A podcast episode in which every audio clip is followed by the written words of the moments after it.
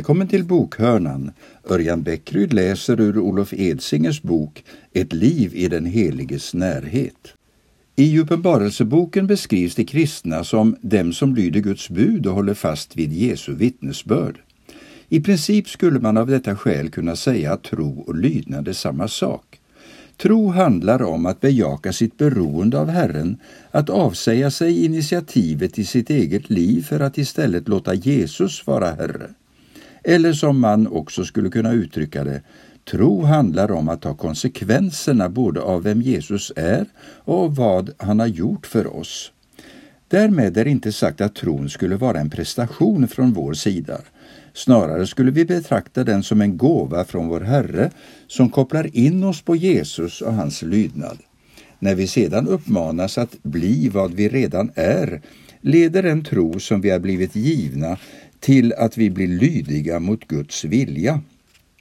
Lydnaden för Herren innefattar många olika sidor. I huvudsak är den dock förknippad med vår kallelse till helgelse. Ni är förutbestämda av Gud Fadern och helgade genom Anden till lydnad och rening genom Kristi blod, skriver Paulus. Vår främsta förebild i detta avseende är Jesus själv och därför uppmanas vi av Nya testamentets författare att ha Jesus, hans sinnelag och hans livsföring som mall för hur, hur vi lever våra liv. Låt det sinnelag råda hos er som också fanns hos Jesus Kristus han ägde Guds gestalt men vakade inte över sin jämlikhet med Gud utan avstod från allt och antog en tjänares gestalt då han blev som en av oss. När han till det yttre hade blivit människa gjorde han sig ödmjuk och var lydig ända till döden, döden på ett kors. Filipperbrevets andra kapitel. Precis som Jesus här på jorden levde som en tjänare är vi kallade att tjäna, först och främst Gud, men också våra medmänniskor. Denna kallelse kan även beskrivas som en kallelse till lydnad och ödmjukhet. Även här ser vi alltså att lydnaden knyts samman med lärjungaskapet. Men inte nog med det. Både tjänande, ödmjukhet och lydnad får enligt Nya testamentet sin sammanfattning i ett annat centralt begrepp, kärlek. Att tjäna, ödmjuka sig under och lyda Gud är detsamma som att älska honom. Men vänta nu, kan det här verkligen stämma? Kan kärlek på fullaste allvar likställas med lydnad? Ja, i alla fall om vi syftar på det kärleksbegrepp som används i Nya testamentet. Bibelns kärleksbegrepp skiljer sig nämligen väsentligt från det sätt som kärlek och att älska brukar användas i Sverige idag. Professor Birger Gerhardsson skriver i boken Med hela ditt hjärta. Det hebreiska ordet för älska, ahav, har en mera robust innebörd än vårt svenska ord. Det syftar på en hållning och ett förhållningssätt mer än på en känsla. Det är därför kärleken kan kvävas. Vad som menas med att älska Gud är att behandla honom som Gud, tro på honom, hörsamma honom, vara trogen honom, vad han än säger och vad han än begär. Att detta är konkret visar sig också i Nya testamentets sätt att knyta kärleken och kärlekens väsen till Jesu korsdöd. Johannes skriver Genom att han gav sitt liv för oss har vi lärt känna kärleken. Så är också vi skyldiga att ge våra liv för våra bröder. Och lite senare Detta är kärleken, inte att vi har älskat Gud utan att han har älskat oss och sänt sin son till försoning för våra synder. Jesu korsdöd, där han som tjänade och i lydnad för Faderns vilja gav sitt liv för vår skull, är i Nya testamentet själva sinnebilden för vad sann kärlek är. För oss som lever i 2000-talets Sverige är det här en väldigt utmanande undervisning. Inte minst genom media är vi ju skolade i tänkandet att kärlek har med bekräftelse av det egna jaget att göra snarare än med tjänande. Särskilt påtagligt blir detta när vi likställer kärlek och att älska med en känsla. Dessutom förknippas kärlek idag ofta med begrepp som tolerans, inkluderande och låt gå-mentalitet och definitivt inte med gränssättningar eller lydnad. som Magnus Malm skriver. Vi kan inte utan vidare tala om att älska och förutsätta att vi förstår vad det betyder. Vi är så grundligt infekterade av samhällets syn på kärlek att vi ofta befinner oss mycket långt från vad Gud menar. När man kan använda ordet älska om en bil eller en semla och som synonymt med samlag och häftig förälskelse, då är det inte konstigt att även kristna människor blir förvirrade inför vad det hela handlar om. Ordet har ju förvrängts 180 grader från den ursprungliga betydelsen att ge sitt liv för någon till den känsla som uppstår när något tillfredsställer det egna livet. I skarp kontrast till vårt samhälles definition av kärlek utmanar Jesus oss alla genom att föra samman begreppen kärlek och lydnad. Om ni älskar mig håller ni fast vid mina bud, säger han till sina lärjungar. Tydligare än så kunde det knappast sägas. Kärlek, enligt biblisk förståelse, hör samman med lydnad för Guds vilja. Det vi därmed har konstaterat får konsekvenser också för den kristna tanken att Guds lag kan sammanfattas i det så kallade dubbla kärleksbudet. Evangelisten Matteus berättar att Jesus vid ett tillfälle fick frågan om vilket som är det största budet i lagen. Hans svar löd du ska älska Herren din Gud av hela ditt hjärta och av hela din själ och av hela ditt förstånd. Det är det största och första budet. Sedan kommer ett som liknar det. Du ska älska din nästa som dig själv. På dessa två bud hänger hela lagen och profeterna. I samma anda som Jesus skriver Paulus att den som älskar sin nästa har uppfyllt lagen. Och alla andra bud sammanfattas i detta ord du ska älska din nästa som dig själv. Kärleken gör inte sin nästa något ont, alltså är kärleken lagens uppfyllelse. Romarbrevet kapitel 13. Vad blir resultatet om vi försöker tillämpa dessa uttalanden utifrån en sekulariserad definition av kärleksbegreppet? Som jag själv uppfattar det är det två olika mönster som brukar framträda. Båda dessa mönster är i mitt tycke lika skadliga som de är obibliska.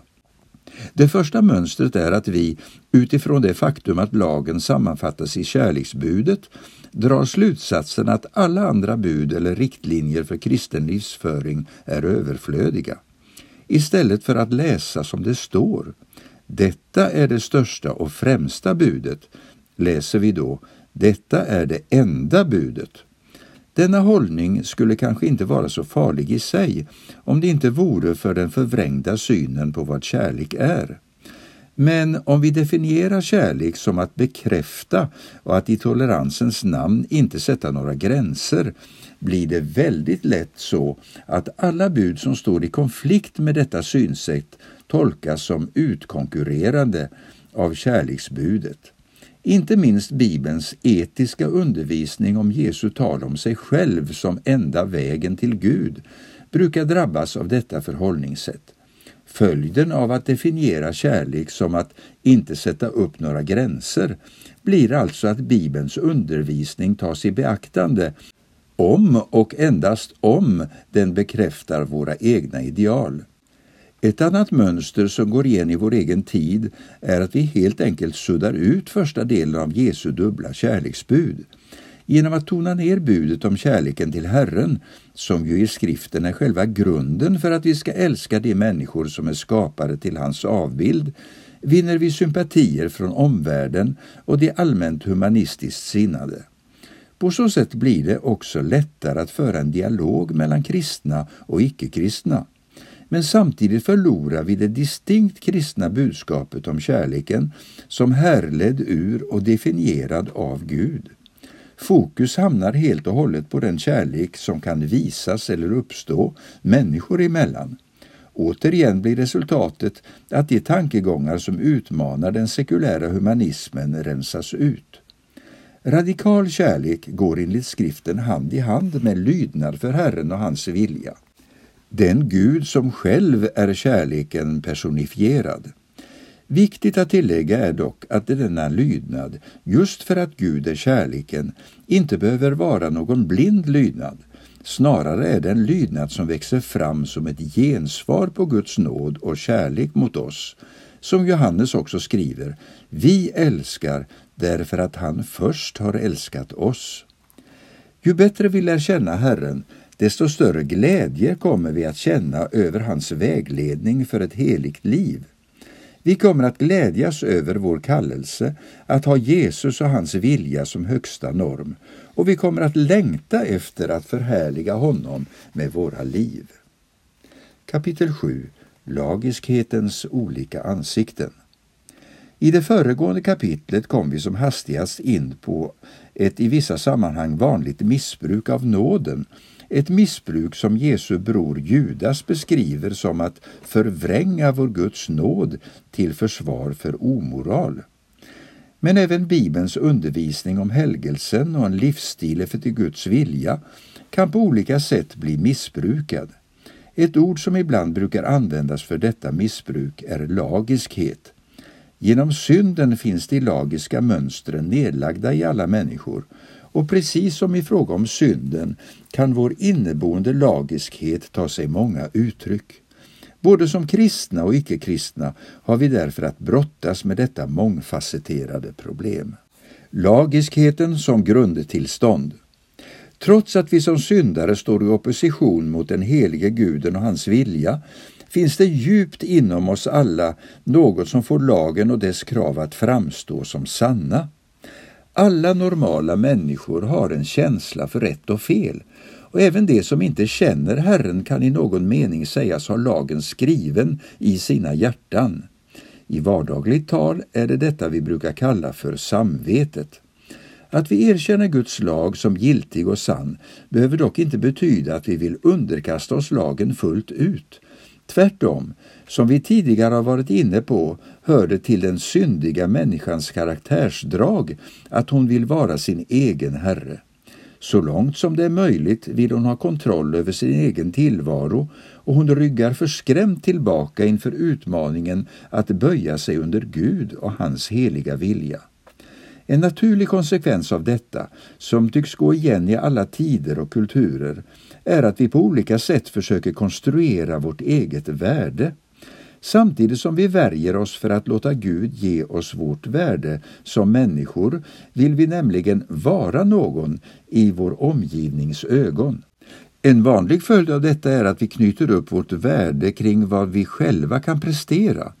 Vi lurar oss att tro att det måste vara våra egenskaper, kompetenser och framgångar som ger oss vårt existensberättigande. Kanske hoppas vi också att våra ägodelar, våra kontakter och våra pensionsförsäkringar ska ge oss den kontroll över tillvaron som vi så desperat längtar efter. Allt detta kan kopplas samman med det som här har fått beteckningen lagiskhet. Ett nyckelord för att förstå de lagiska mönstren är nämligen prestation. Som syndare vill vi på olika sätt prestera för att framstå i bättre dagar istället för att bli det vi är skapade till, human beings, blir vi något som vi själva försöker skapa, human doings. En direkt följd av detta är att människan i mötet med Guds Tora försöker leva upp till lagens krav i egen kraft, det vill säga, vi försöker leva upp till kraven så länge som de verkar överkomliga och rimliga, men om de blir för höga protesterar vi högljutt. Lagen får bara vara normerande så länge den är möjlig att leva upp till, annars tappar vi ju kontrollen. Välkommen till fortsättningen av uppläsningen ur Olof Edsingers bok Ett liv i den heliges närhet.